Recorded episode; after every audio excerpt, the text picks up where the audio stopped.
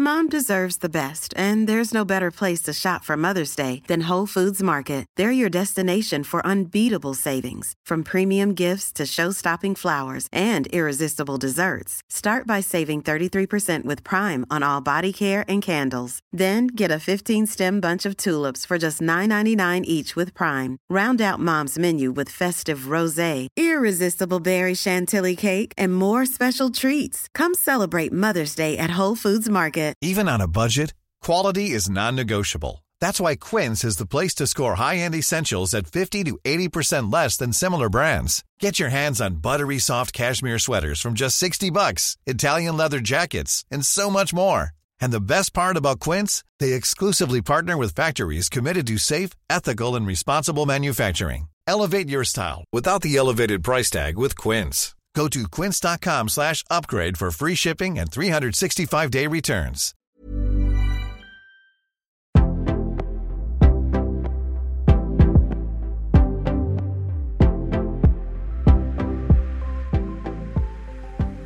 I veckans avsnitt möter vi Johanna Gillbro, hudforskare, innovatör och entreprenör. Johanna är också författare till boken Hudbibeln som kom ut våren 2019. Välkommen Johanna Gillbro till Jag är modig-podden. Tack snälla, vilken ära. Hudvård är någonting som har varit ett stort intresse för mig. Mm. Eh, Jag var hudterapeut i mitt förra yrke. Mm.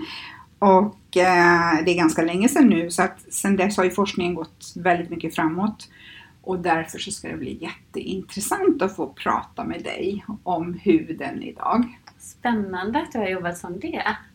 Det är jättespännande. Precis tio år jobbade jag som hudterapeut och hade en relativt stor, stor klinik och eh, vi gjorde väldigt mycket ansiktsbehandlingar och, men också manikyr och pedikyr och sådär och Ja. epilering. Och, Jaha. men som sagt, nu är det ju en helt annan typ av hudvårdsbehandlingar Mm. eh, på salonger än det var på den tiden när jag Mm. jobbade.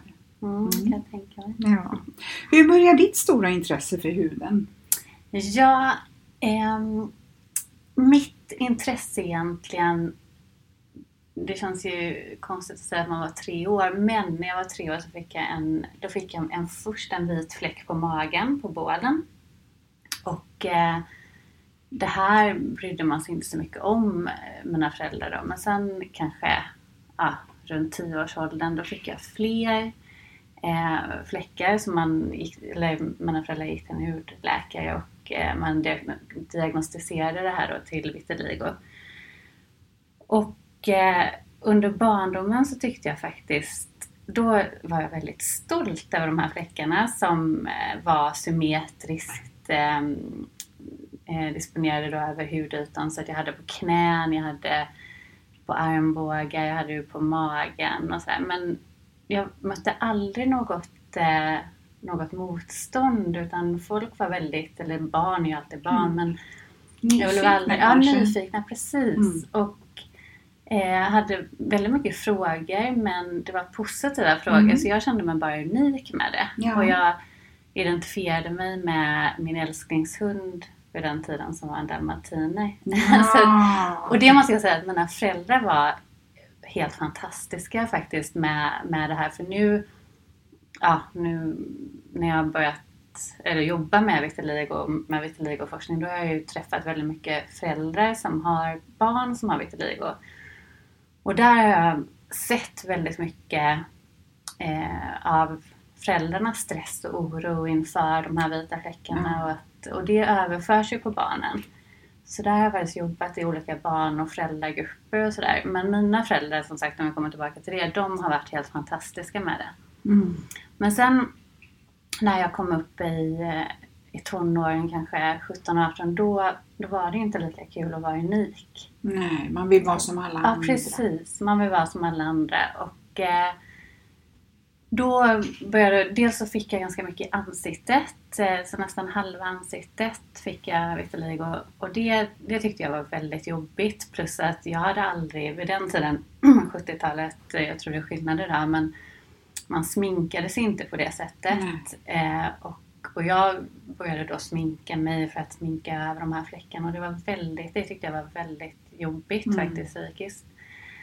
Um, så att det är egentligen därifrån som jag började läsa själv om, eh, började redan som 18-åring läsa forska, forskningsrapporter på vitiligo och försöka förstå varför har jag, varför har jag den här mm. För det är en, auto, en autoimmunsjukdom.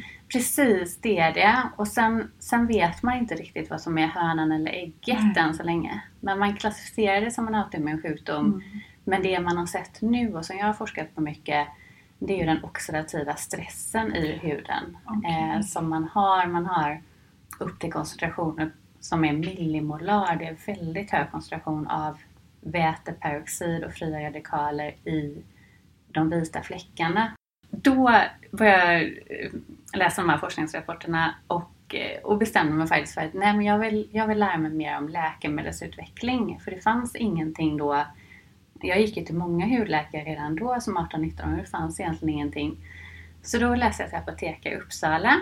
Mm. Och jag provade också, jag provade egentligen allting som, som skrevs ut för vitiligo. Det var eh, kortikosteroider, det var UVB-behandling, alltså med ett solarium. Det var till och med en transplantation. Jag var en av de första patienterna som, som provade en transplantation. När man och det måste tar, ha varit väldigt smärtsamt. Det var väldigt smärtsamt och man tar då, man slipar egentligen av hela översta hudlagret, epidermis, från hud som inte är drabbad och sen så odlar man upp de här hudcellerna och tillför då dem till de här vita fläckarna som man också har slipat av mm. översta hudlagret.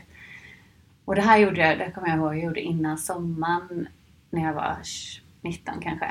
Mm. Och eh, det var väldigt smärtsamt för det, det läkte väldigt eh, långsamt plus att eh, de här behandlingarna är inte så eh, lyckosamma eller vad ska man säga, successful. För att eh, det som händer i vitiligo, speciellt om man har vitiligo vulgaris som är eh, distribution på, på båda kroppshalvorna, då, har man, eh, då är man väldigt känslig för friktion. Så man märker till exempel ja. barn får väldigt ofta på knäna för att de har skadat sig. Mm. Man får det där man har kläder som sitter åt. Till exempel vid bh eller byxlinning och sådär. Där mm. får man det ofta. Och sen när vi skulle eh, göra eh, sån här exjobbsuppsats så då gjorde jag så att jag kontaktade alla de eh, grupperna i världen som höll på med vitiligo och forskning. Så det var vid den tidpunkten, det här var 90, vad kan det ha varit? Nej, det måste ha varit 2001 kanske. Då eh, kontaktade jag en grupp i Italien, USA, Japan och England. Eh, och det var en forskare som svarade och det var en, eh, som, en dermatolog och hudforskare som hette Karin Schallreuter. Mm. Och eh, en fantastisk kvinna som nu är i 80-årsåldern. Det är superspännande att i vitiligo-patienter, i själva den vita huden, så kan man se om man lyser på den med en speciell lampa så kan man se att den fluorescerar. Att det blir ett, eh, ett vitt ljus precis från Jaha. de här fläckarna. Och det är exakt samma mönster som man ser vissa fjärilar som också fluorescerar, det blir blått om man lyser på dem. Ja. liksom, eh, ja, en väldigt lysande färg. Och då börjar man titta på vad är det egentligen för ämnen i, i de här fjärilarna och i, det här, i de vita partierna eh, som, som leder då till, här, till det här fluorescerande ljuset. Och då upptäckte man, identifierade man vad det var för någonting. Mm. Eh, men sen startade man i alla fall en grupp i England på vitiligo och försökte då ta bort de här ämnena som bildas för att då försöka återpigmentera huden. Mm. Och det var då jag kom in och hon hade flyttat till England och startat upp det här teamet. Så det var ju helt eh, fantastiskt. Sen här exjobbet, jag fick en doktorandtjänst och doktorerade på min egen sjukdom. Och odlade, ja, och det var ju det var ju också vid den här tiden när, som jag tror alla känner igen sig när man, är, när man provar någonting för första gången, ett nytt land för första gången, en ny utbildning för första gången, eh, träffa människor från hela världen för första gången. Så det, jag tror att dels kombinationen med att det var så otroligt intressant för att jag jobbade på mig själv och på mm. min egen hud och jag tog mina egna hudceller till och med. eh, kombinationen till att jag gjorde allt för första gången var ju, var ju extremt eh, det var en väldigt stark upplevelse. Det förstår jag verkligen. Och du behandlar ju dig själv Mm. mm. med lyckat resultat.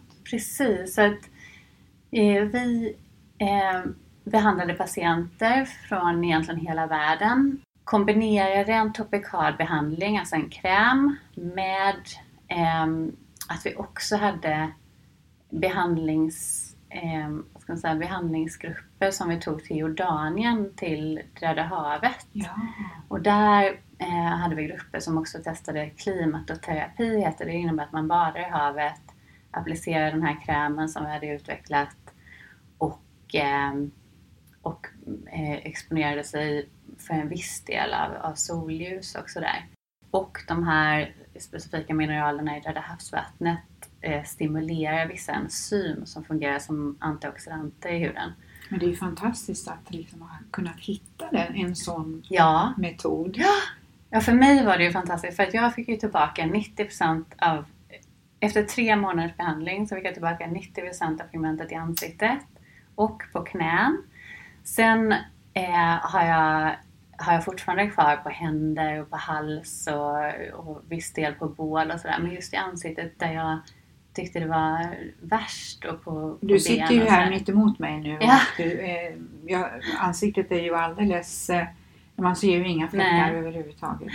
Nej precis och det, det är ju fantastiskt. Sen måste jag säga att nu, när jag, nu är jag ju över 40 ehm, och nu först så kan jag verkligen på något sätt, jag har verkligen accepterat de fläckarna jag har kvar och jag kan till och med eh, alltså verkligen bejaka dem och se tillbaka, eh, verkligen, ska man säga, ja men få tillbaka den här känslan av unikitet. Ja.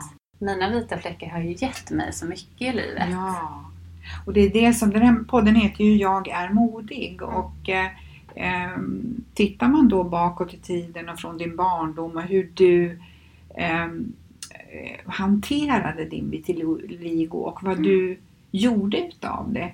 Det är ju väldigt modigt gjort. Du ville vända det till någonting och börja eh, studera och sedermera forska inom det. Mm, ja, men jag har nog alltid, eh, jag tror att jag är uppvuxen också på det sättet att man får ta saken i egna händer på Mm. något sätt. Det finns ingen Mm. annan som kan läsa någonting. Sen gick du in i skönhetsbranschen. Mm. Så jag doktorerade då, eh, det var ganska många år sedan nu, 2006 tror jag. Eh, och sen så flyttade jag till Holland eh, efter det och började jobba mer med kliniska prövningar. Och då hade jag följt, eh, jag hade träffat en holländsk man i, eh, i England. Som Så- också var forskare. Ja precis, Mm. han är också han var forskare. Och, eller han är forskare. Mm. Eh, och vi var tillsammans många, många år. Eh, och, eh, men sen så separerade vi och då kände jag att jag ville tillbaka till Sverige. Ehm, och då blev jag, då hade jag blivit eh, alltså head, headhuntad om man säga, eh, från många företag. För det, det som man eh, är väldigt intresserad av i skönhetsbranschen det är just hur kan man hur, just med pigmentering och jag hade ju försökt att få tillbaka pigmentet i, mina, i, i de vita fläckarna på Mm. Och nu, och nu är det ju så många, nu- man ska bleka. Precis, exakt. Eller man vill ha mer lyster eller Ja. man vill bli brunare i vissa regioner och sådär. Så att Mm. just att kunna modulera själva pigmenteringsprocessen, det är det inte så många som kan Nej. och, eh, och det är många som vill. Eh, så att eh, då, då blev jag erbjuden då att sätta upp ett, ett, forskar, ett forskarteam egentligen som jobbar just med pigmentering men självklart också anti-aging och sånt där. Mm. Och det var jag väldigt tveksam till från början för det var också en bransch som jag inte kände till Mm. alls. Mm. Ehm, jag har aldrig varit du har väl mer varit på den medicinska Precis. sidan? Eh, då flyttade jag först faktiskt till Irland och sen till Stockholm för att eh, hjälpa till att bygga upp ett, eh, ett labb och ett forskningsinstitut. Men det som var är väldigt intressant och givande som forskare det var att vi vi jobbar mycket med akademiska samarbeten och eh, utveckling av forskningsmetoder som man kanske inte alltid har tillgång till inom akademin. Eh, så att jag lärde mig fortfarande väldigt mycket. Du har ju också skrivit en bok Mm. eh, som gavs ut våren 2019 och nu ska, har den ju då också köpts upp av fler länder. Men berätta först lite om boken. Ja. Eh, Hudbibeln heter boken. Eh, och det var väl de, egentligen två saker skulle jag vilja säga som fick mig att skriva boken och sen också att, att starta och driva ett eget bolag. Och det är att eh, dels att jag kom i kontakt med för några år sedan ett forskningsområde som heter mikrobiom. Och det känner nog många till som tarmfloran egentligen. Det har man forskat ganska mycket på. Och, nu, och dels så börjar man se att ja, men tarmfloran påverkar faktiskt huden. Så har man vissa tarmåkommor som Crohns eller IBS och den typen av obalans i tarmen så kan man ofta se manifestationer på huden som eksem till exempel eller Mm. plit och irritation. Så då ville jag, då kände jag att nej, jag vill skriva en bok som dels förhoppningsvis på ett enkelt sätt förklarar huden, för huden är så fantastiskt, det är ett sånt fantastiskt organ. Mm. Eh, det är vårt största organ, vi har nästan två kvadratmeter Mm. som omsluter oss. Och som förnyar sig hela tiden. Exakt. Och eh, vi har produktion av viktiga vitami- vitaminer, alltså vitamin D, som eh, vi inte kan producera i något annat organ än huden. Mm. Och det är väl solbestrålning? Ja, precis. Mm. Så att eh, det är så otroligt viktigt organ. Och därför gäller det ju att vi verkligen tar hand om den på bästa sätt. Verkligen. Och sen eh, vill jag också skriva om, om hudvård. För det var också någonting som slog mig att de flesta av oss vet hur man gör majonnäs eller de vet hur vi gör en salladsdressing. Ja. Men det är ingen som vet vad en kräm egentligen består av. Och vad är det för skillnad på alla de här produktformaten som vi använder? Alltså essenser och ansiktsvatten och toners och booster. och Jag vet inte allt vad, vad det finns. Vad är det för Mm. skillnad på allt? Och vad är det egentligen som behövs för, att, för en helt vanlig, bra fungerande kräm? Mm. Eh, och då är det ganska mycket ämnen som faktiskt kan räkna bort. Mm. Som inte Ja, du, behövs. du, har, du nämner ju vissa ämnen just. Jag, jag kommer ihåg eh, då när jag jobbade med, som hudterapeut, då kom antioxidanterna precis. Eh, vad är antioxidanter för någonting? Mm. Eh, antioxidanter de bryter ju ner eller neutraliserar fria radikaler. Så att, eh, ett enkelt sätt att se en oxidationsprocess det kan ju vara att dela ett äpple till exempel. Och så lämnar man den framme så ser man att Så det är gult. blir det liksom Ja, lite precis. brunt sådär. Ja. Exakt. Mm. Och, men tar du och penslar den med vitamin C till exempel, det här fruktköttet Mm. på ena sidan, då kommer det bli mycket mindre brunt. Mm. Är det som med avokado också när man tar citron? Ja men precis, Jaha, exakt, det är exakt samma mekanism. Ja. Så att, men det som, man, som är intressant det är att fria radikaler och fria radikaler det är någonting som bildas helt naturligt när vi andas. Så en viss del av det här syret det producerar faktiskt fria radikaler. Så det, det har vi alltid i vår Mm. kropp till en viss del. Men det är när det blir för mycket som man brukar kalla att det heter oxidativ stress. Då har det blivit för mycket. Mm. Och sen, men sen finns det ett begrepp inom forskningen som heter hormesis och det betyder egentligen lagom kan man nästan förklara det som. Och då har man sett att ja, men vissa viss nivå av de här fria, fria radikalerna det kan faktiskt trigga vissa enzym och det kan vara positivt för oss. Mm. Men sen hur fort vi kommer upp i en hög nivå då kan det istället slå ut enzym Mm. och slå ut viktiga processer i, i vår kropp. Så att eh, lagom där är nog bäst. Och det har man ju också sett med att man trodde ju för några år sedan att antioxidanter kunde eh, lösa alla problem, att man proppar i sig med kosttillskott med olika antioxidanter. Men det har man ju sett att det, det har ju inte den effekten man trodde att den skulle, det skulle ha. Och det, det kan man visserligen se i hudvård att absolut, antioxidanter verkar då ha effekt till exempel på enzym som bryter ner kollagen och så i, Mm. i dermis. Eh, så det kan absolut vara bra att tillföra om de faktiskt går ner i huden till, dem, till den nivån där de cellerna finns. Mm.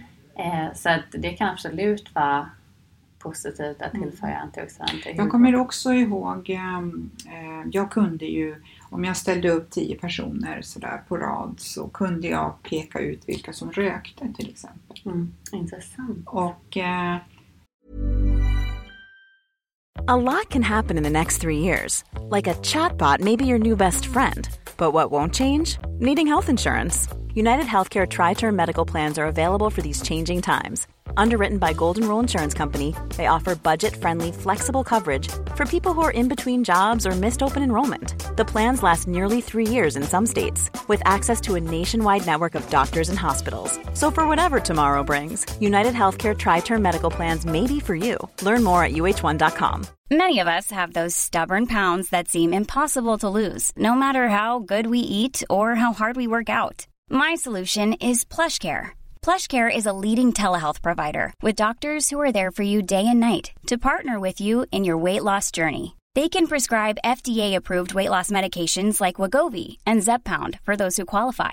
Plus, they accept most insurance plans. To get started, visit plushcare.com slash weight loss. That's plushcare.com slash weight loss. Quality sleep is essential. That's why the Sleep Number Smart Bed is designed for your ever evolving sleep needs. Need a bed that's firmer or softer on either side? Helps you sleep at a comfortable temperature? Sleep Number Smart Beds let you individualize your comfort so you sleep better together. JD Power ranks Sleep Number number 1 in customer satisfaction with mattresses purchased in-store. And now, save 50% on the Sleep Number limited edition Smart Bed for a limited time. For JD Power 2023 award information, visit jdpower.com/awards. Only at a Sleep Number store or sleepnumber.com.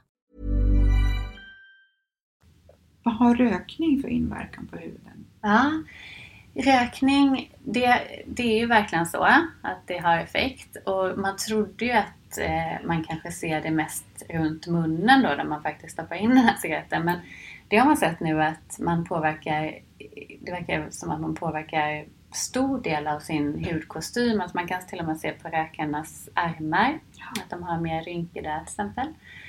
Eh, och det är ju den oxidativa stressen Mm. som rökning. Rökning och sol ger oxidativ stress eh, till viss del och det är det då som leder till att eh, cellerna passiviseras. De blir senescenta kallar vi det.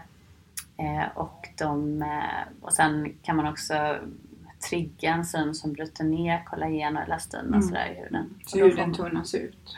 eller huden blir mindre, eh, mindre elastisk och eh, slappare. Mm. Och man kan också ha mindre rynkor. Mm. Och eh, ett lager precis, eh, dermislagret kan bli mycket tunnare. Mm. Mm. Och stress bryter ju också ner huden.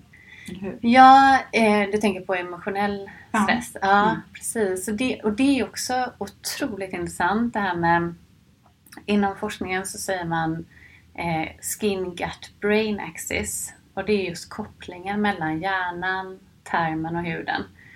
Och där, dels ser man ju då kopplingen hjärnan-huden, att eh, stress verkligen kan påverka eh, huden. Eh, man har ju sett, det är ju lättare att studera patienters olika hudåkommor, men här ser vi ju att, att hudåkommor från stress och akne till exempel står i definitiv relation till stress. Eh, sen har man också tittat mer på normala individer som inte har hudåkommor men som upplever en, en enorm stress, till exempel studenter som har tentaperiod, de kan ju vara stressade. Eller eh, man har också tittat på människor som genomgår en skilsmässa. Mm. Och där ser man faktiskt alltså, fysiska parametrar i huden som att man eh, reparerar den långsammare. Och Är den det så? typen. Ja. Så det där, stress är, det är definitivt en, en eh, direkt koppling till huden. Intressant. Mm. Ehm, och det här med kosten då? Påverkar det Ja. huden? Eh, precis, och det, det är... När jag skrev hudbibeln då ville jag ha en del om kost. Eh, för att jag var så intresserad av, av tarmen och den här gut skin axis. Men eh, och då, jag kan ju inte så, jag är ju inte någon nutritionist eller dietist så då tog jag hjälp av en dietist som heter Karin Magnusson som har jobbat länge eh, med har jobbat med allt från elitidrottare till personer som vill gå upp eller ner i vikt. Eh, och hon har varit otrolig. Jag har lärt mig så mycket av henne måste jag säga. Men då har vi tittat på dels eh, nutrienter som eh, har effekt på huden och hudens celler. Hudens celler. Mm. Ehm, och eh, så hon gjort sådana, hon har ju sådana specie, speciella beräkningsprogram så man vet precis hur mycket eh, paranötter du behöver till exempel för ditt dagsbehov. Och, så det har varit jättebra. Att jag hade aldrig kunnat skriva det kapitlet tror jag utan henne. Du brinner ju också för det här med bakterier. Mm. Berätta. Ja, och det... ehm, det var, jag tror det var 2015, så det är några år sedan nu, så eh, kom jag i kontakt med det här ordet mikrobiom. Och mikrobiom, vad det betyder är egentligen den genetiska massan av alla våra bakterier, svampar och virus, alltså alla våra mikroorganismer. Och det har man ju forskat ungefär de tio sista åren på i tarmen. Och det har ju kommit ut mycket populärvetenskapliga Mm. böcker om, om tarmfloran. Eh, och då i 2015 så kom jag i kontakt med det här eh, och åkte faktiskt på en forskningskonferens i Paris. Och det, det var otroligt spännande. Det var en av de mest intressanta konferenserna jag har varit på. Och, eh, och då vid den tiden så var det, då tittade man egentligen bara på tarmfloran. Mm. Eh, och sen de senaste åren så har man tittat mer på vår hudflora. För vi har ju helt, vi har en unik hudflora med, med specifika bakterier som är där för hudens skull. Mm. Och nu Som de- är bra för oss. Precis, de är bra för oss. Och vi, eh, man har också sett att många av de här bakterierna, de allra flesta som vi har, de skyddar oss faktiskt mot mer patogena bakterier. Mm. Och sen har man också sett att bakterierna i sig är väldigt viktiga för vårt immunförsvar i huden. Så därför blev jag väldigt intresserad och började forska på, på det här området och också börjat titta på hur, hur eh, responderar huden när den kommer i kontakt med till exempel probiotika. Mm. Ehm, så Det finns väl i, probiotika finns väl i typ fil? precis, Ja. fil och yoghurt och fermenterad mat. Mm. Eh, och sen har vi också probiotikatillskott som är väldigt, eh, väldigt trendigt. Och sen Mm. finns det också probiotika i hudvård. Det är väldigt ovanligt men det finns några aktörer som har för probiotika för att det ska, het, för att det ska vara äkta probiotika Ja. så att säga, då måste det vara levande bakterier. Okej. Och det är det ju när du har i fermentationsprocessen så det är levande mjölksyrabakterier Mm. och i yoghurten så är det levande mjölksyrabakterier. Mm. Eh, och det måste det även har inte vara. det lite grann med pH-värdet att göra också? Alltså att man har ett rätt pH-värde på huden? Ja precis, det där är en jätteintressant eh, eh, kommentar för att vi har, precis, vi eh, det man det man applicerar på huden nu egentligen när det gäller probiotika det är de som har levande probiotika det är ju mjölksyrabakterier Mm. Eh, och de fungerar ett ganska, ja, det är ett ganska lågt pH. Eh, men det vi har mest på huden det är ju egentligen inte mjölksyrabakterier. Det har vi mest i det vaginala området. Ja. har vi mycket mjölksyrabakterier Mm. men inte på, ja, vi har på huden men det är inte, Inte på samma sätt. inte på samma sätt.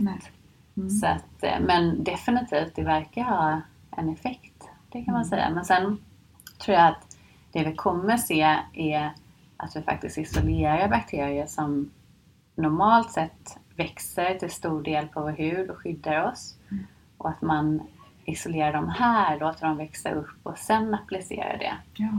Det tror jag vi kommer se mer av. Mm. För nu tar man egentligen bara probiotika precis på samma sätt som man tillför tarmen Mm.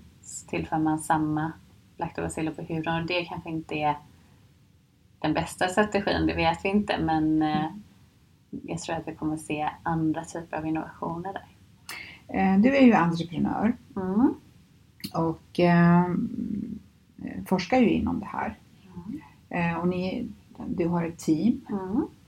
Eh, vad kommer det sig att du valde den här vägen att bli entreprenör Mm. istället för att jobba åt något stort bolag med massor med pengar?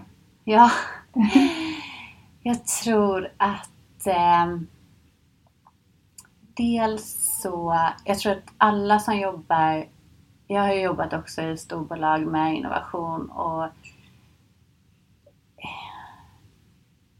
vet, när man går på sådana här nätverksträffar och så med andra innovationschefer så, så möter man egentligen samma typer av, att man har samma problem. Och det kan ju vara att det är ganska svårt, det kan vara svårt att påverka och många gånger så kanske man fastnar i innovation, att sätta upp innovationsprocesser för företagen. Och det är inte alls, och där, kan, där hamnade jag att Det går för långsamt. Ja, precis. Men också att man kanske blir den då som ska, om man ska leda innovation så kanske man också måste leda en processbildning inom innovation i ett företag.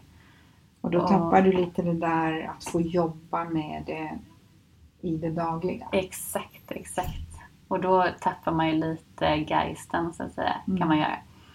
Eller jag, jag kände nog att Mm. För jag du är, det. du är väl, jag uppfattar dig i alla fall som att du är också nyfiken att hitta saker själv. Mm, precis. Du vill och vara med i processen. Exakt.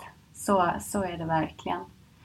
Och sen många gånger så tror jag när man jobbar med innovation så måste man ta ett steg tillbaka och tänka men vad är en innovation? En innovation måste ju alltid vara en lösning på ett problem. Och eh, många företag vill ju ha innovation som ledord och det låter väldigt bra och det på något sätt eh, kanske också visar att man ligger i framkant då inom sitt område. Men eh, innovation, då måste det ju bli bättre än det som fanns innan och det måste lösa ett problem och det tror jag inte alltid att det gör, speciellt inte inom hudvård. Att vi slänger oss med innovationsordet, precis, men det är inte alltid en förbättring. Nej. Och det känner jag som entreprenör, när man har sitt eget eh, så kan man så är det ju, man kan alltid följa de här värderingarna och man behöver inte kompromissa på samma sätt. Nej. Och sen i storbolag så är det också så att man har processer som är, som är väldigt svåra att förändra för att när man produktutvecklar och, och hit, skapar en innovation då för att den innovationen ska bli bra så kan det ofta vara så att man måste förändra till exempel, det kanske är logistiklösningar som måste ändras. Det kanske, är, vi kanske måste ändra produktionsmönstret. Vi, kanske måste, vi kanske måste ändra massa delar i Det leder företaget. till konsekvenser som... Precis, Ja. och det tar ju väldigt lång tid Mm. och det kan vara väldigt tungrott. Mm. Mm. Så är det ju. Och nu eh, har ju ni då ert, är det laboratorium som man säger, Ja, vi har... eh, i Stockholm. Mm. På Kungsholmen. ja. Eh, och, eh, och där jobbar du idag. Vad, vad, vad, vad gör du för någonting? Vi, eh, vi har startat ett, ett bolag som heter Skinom Research och eh, det är en, eh, vad ska man säga, en fusion inom dermatologi och mikrobiomet. Därför det heter Skinom. Ehm, och ehm, vi, vi jobbar i tätt samarbete med olika partners eh, för att eh, få reda på mer om hudmikrobiomet. Och, och sen så jobbar vi just nu med att eh, titta på hur kan man, hur kan man faktiskt utveckla mikrobiomvänlig hudvård. Kan vi göra det? Så det tittar vi på nu och vi har ju fått otroligt mycket både mails och telefonsamtal och förfrågningar på Instagram och till och med skrivna brev hem om förfrågningar. Dels om eh, Ja, dels om vitiligo såklart. Ja. Eh, mycket frågor om det. Och sen också om eh, vilka, vilken hudvård som är bäst. Det är nog den absolut eh, mest frekventa ja, frågan. det förstår jag. Så att, Och det här är väl också sen man har läst boken Ja. så kommer de här frågorna. Ja. Ehm, Det som är roligt med hudbibeln är ju att nu, den är ju såld till flera, flera länder nu. Mm. Ja, Ja, det är så kul. Det var precis... Nu är den såld till, ska vi se, Polen, Danmark, Finland, Ungern, Ryssland och England. Engelska rättigheter då. För England, USA. jätteroligt. Jag säger grattis. Tack! Ja, det känns jättekul. Och det hade man ju ingen aning om att det skulle vara så... Och det är väl också så här att eh, hudterapeuterna tycker ju också att det är en intressant bok. Ja men verkligen. Jag har fått flera. Dels en, ehm, var det ett, en intervju nu med hudterapeuternas tidning, tror jag det heter. Så att, och de, det var en otroligt gedigen intervju. Ja, Så det var jätte, jättekul. Och sen har jag blivit, eh, fått massor förfrågningar från just hudterapeuter. Så det, det har varit väldigt eh, kul. För jag har ju inte kommit i kontakt med den professionen Nej, så nej, faktiskt annars. Så jag Och det är ju så att hudterapeuter, de jobbar ju med hudvårdsbehandlingar varje dag och eh, ehm, ja, jag tycker ju att det är jätteintressant men jag kan föreställa mig att man tycker det är jätteintressant när man jobbar med det. Ja, ja men det Mm. tycker man. Och sen har vi faktiskt, eh, vi sitter precis bredvid en hudterapeutskola. Jaha! Så de har ju också varit och knackat på och ja, haft... eh, lite utbildningsmaterial ja, kanske. precis. Mm. Så det har varit jättespännande faktiskt. Mm, kul!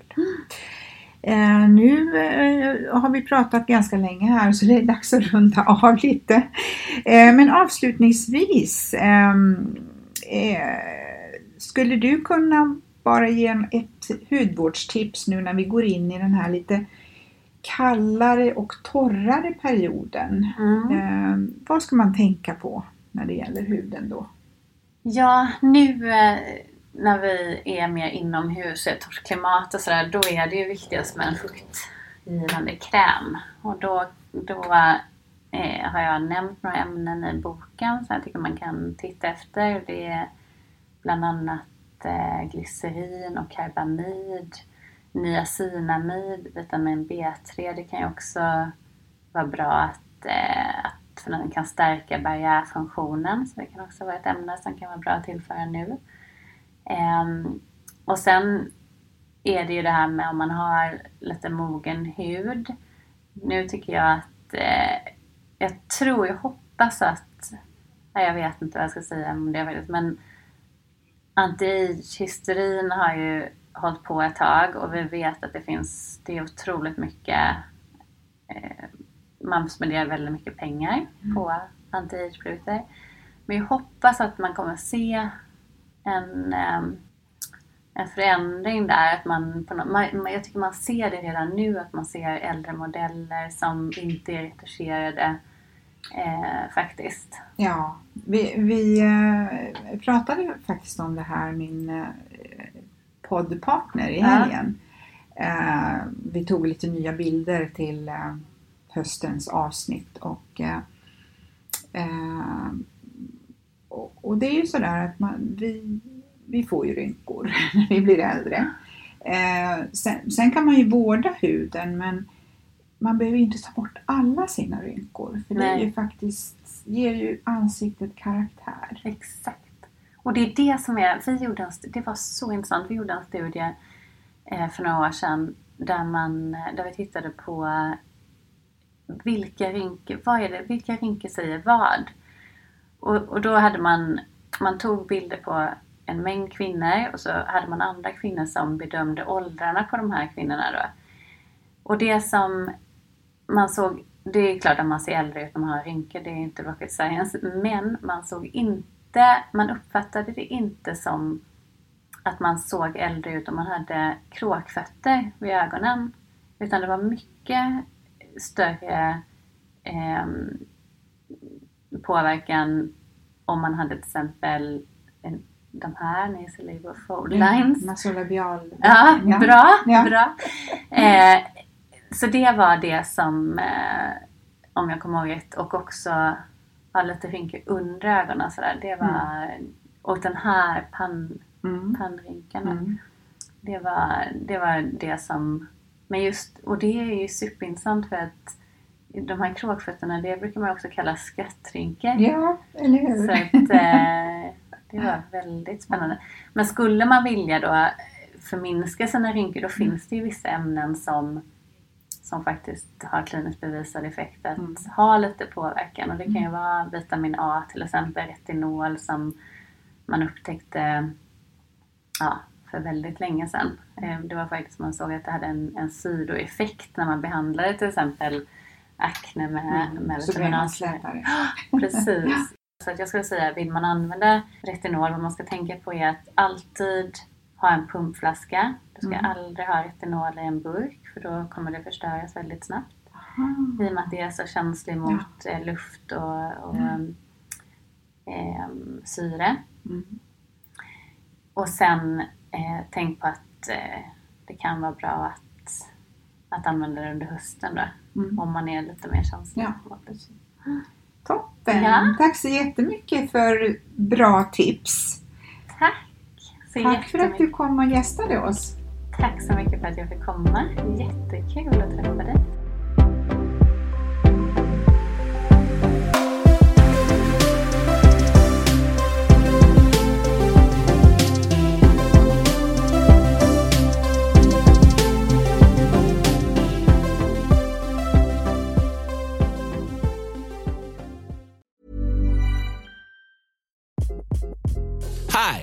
Craig Robinson from Ways to Win, and support for this podcast comes from Invesco QQQ, the official ETF of the NCAA. Invesco QQQ is proud to sponsor this episode and even prouder to provide access to innovation for the last 25 years. Basketball has had innovations over the years too. We're seeing the game played in new ways every day. Learn more at Invesco.com slash QQQ. Let's rethink possibility. Invesco Distributors, Inc.